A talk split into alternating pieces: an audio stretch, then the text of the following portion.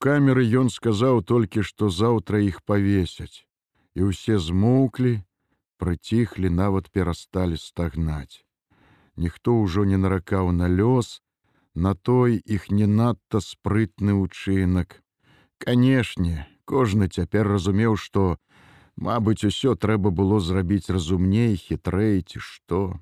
Можа, у іншым месцы, далей ад іхняга участка ад станцыі, але далей ад станцыі, значыць, бліжэй да вёскі пагінулі б невіноўныя людзі, словам роздуму хапала, асабліва сушэнню, які тае ночы не заснуў ні хвіліны. Назаўтра раніцай за сцяной забегалі, замітусіліся, расчынілі дзверы, выходзь. Усе знямогла выходзяць, наперадзе сушэння за ім схуднелы, як кашэй тапчэўскі, карабань пад пахі вядзе мешука, які ўжо сам не хадзіў. І тады з калідора старшы паліцай кажа: сушэнню адставіць. Чаму адставіць пытаецца сушэння? Кажа, доктар сказаў, і яго зноў упіхнуў у камеру, а тых павялі. Хутка ў склепе стала ціха і пуста, Мабыць, усе вымеліся на рыначную плошчу, дзе вешалі ягоных хлопцаў. У роспачы адчае сушэння біў кулакамі ў сцены, кулём качаўся па саломе ў доле. Часам да яго даносіліся гукі нейкіх каманд з плошчы, і ён не мог знайсці сабе месца ў гэтым апусцелым катуху.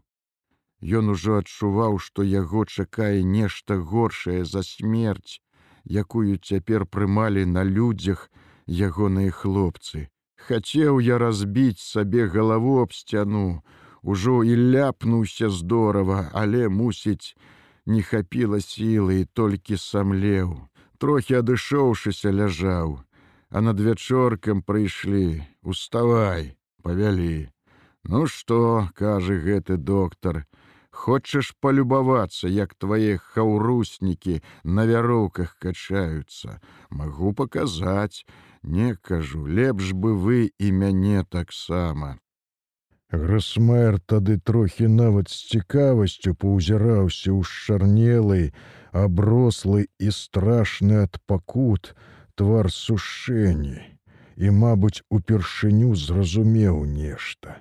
А зразумеўшы, раззлаваўся ды так раз'юшана жорстка, што сушэнню стала страшна, Ён аж закалаціўся, стоячы ля сцяны. Доктар падбягаў да яго і адскокваў, махаў перад тварам рукамі, браўся ў бакі, адскокаваў за стол і вяртаўся на сярэдзіну кабінета.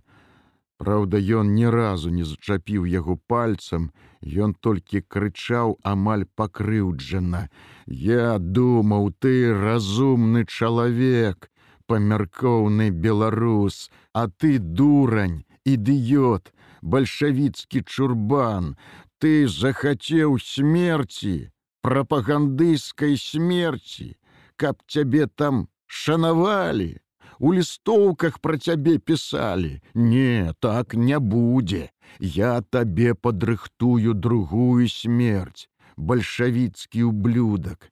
Апошні раз пытаюся, згаджаешся на маю прапанову, так ці не. Ён упрытык падскочыў да сушэнні, і той цяжка і трудно выдохнуў: Не, ведаеце, не магу я.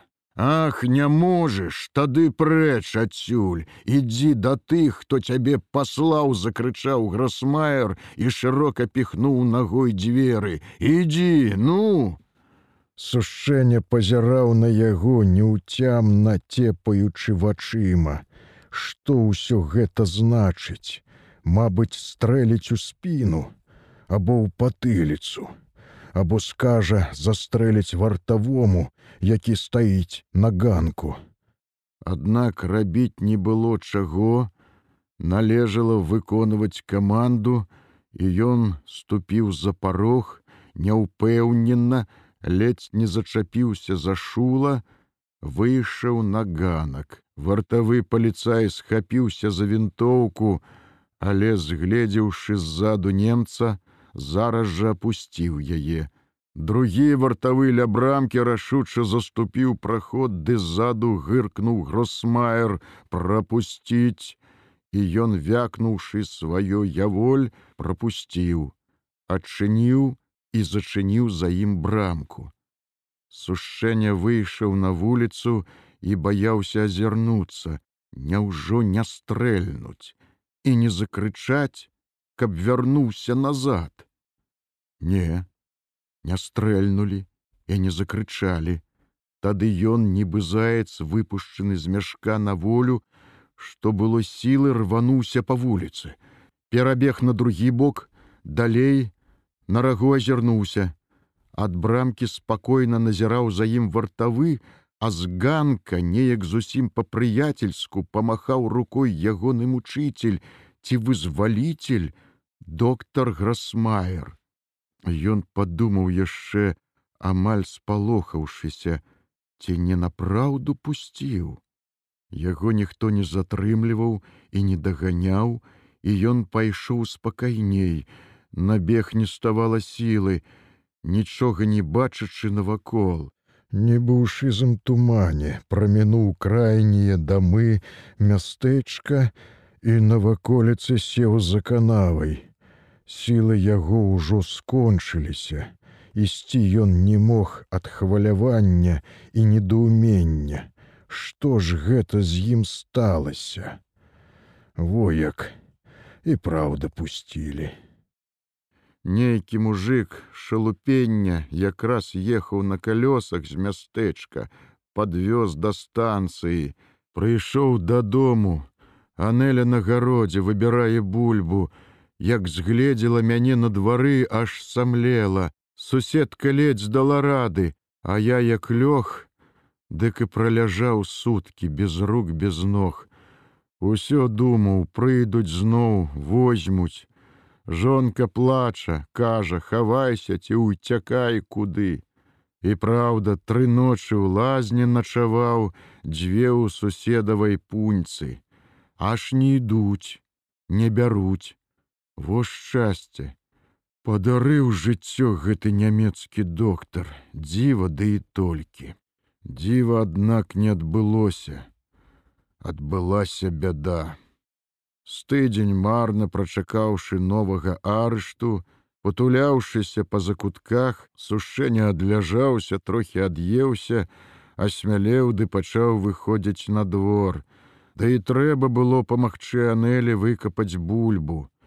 І во ён неяк капае, а за плотам по ўзмешку ад ракі ідзе ігнась пузырэўскі, іхні дзеравенец, трохі старэйшы за сушэнню і не вітаецца неяк. Сушэнне павітаўся, а той не адказваючы, кажа так з кепікамі ў голасе: « Ну што, як жывецца, сяброў прадаўшы. Сушэнне знерухоміў, страціў мову, бы яго хтось выцяў даўбнёй па галаве. Пакуль ён даўмеўся, як адказаць, Пузырэўскі пайшоў сабе, не спыняючыся мяжой да вуліцы. Вот тады сушэнне ўпершыню можа сцяміў, чаму да яго за тыдзень ніхто не завітаў у адведкі, Ні суседзі, ні нават радня дядька Пятрок ці Аўгусціна, Анеліна сястра, ні пляменнік косці, які бывала не мяне дня, каб разы тры не наведаўся да дзядзькі.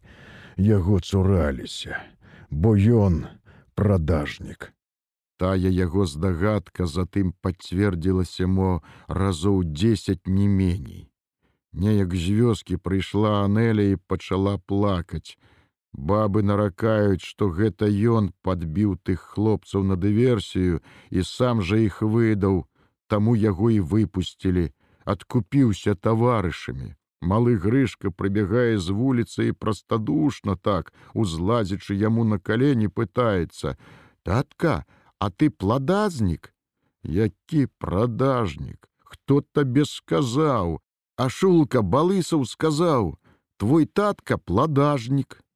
Ну як было сушэнню і перад кім апраўдацца. расказаў пра ўсё жонцы тая паслухала паплакала. Жонка канешне поверыла а можа не поверыла і жонка толькі прыкінулася што поверыла але як жа мне жыць? З ціхай роспаччу пытаўся сушэння неўцямна пазіраючы ў хвойнік.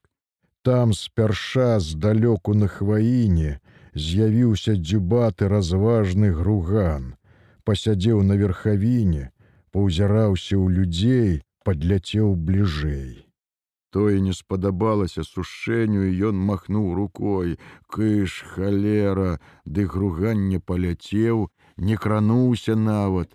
Што было рабіць? Я ім тады ўжо зайздросціў траім маім пуцейцам, іхнюю памяць шанавалі людзі, імі ганарыліся дзеці, іхнім сем'ям памагалі суседзі а мяне узненавідзелі. І адчуў, што і самы мне дарагі чалавек, жонка Анеля, тоже на мяне пазірае не так, як раней. Пачала часта плакаць, без дай прычыны і як ёй быць. Неяк трохі на яе крыкнуў, ну там, як бульбу пераносілі, як зарыдае, кажа, лепш бы яны цябе там павесілі разам. Канешне, лепей кажу, але не павесілі, водык цяпер што рабіць, Хіба самому павесіцца. Вояк атрымалася. То баяўся немцаў, хаваўся ад іх, то пачаў думаць сапраўды ці не павесіцца. Але скажуць людзі, было за што, скажуць, совесть загрызла, бо здраднік. Ну што мне было рабіць? і тады спакваля дайшоў.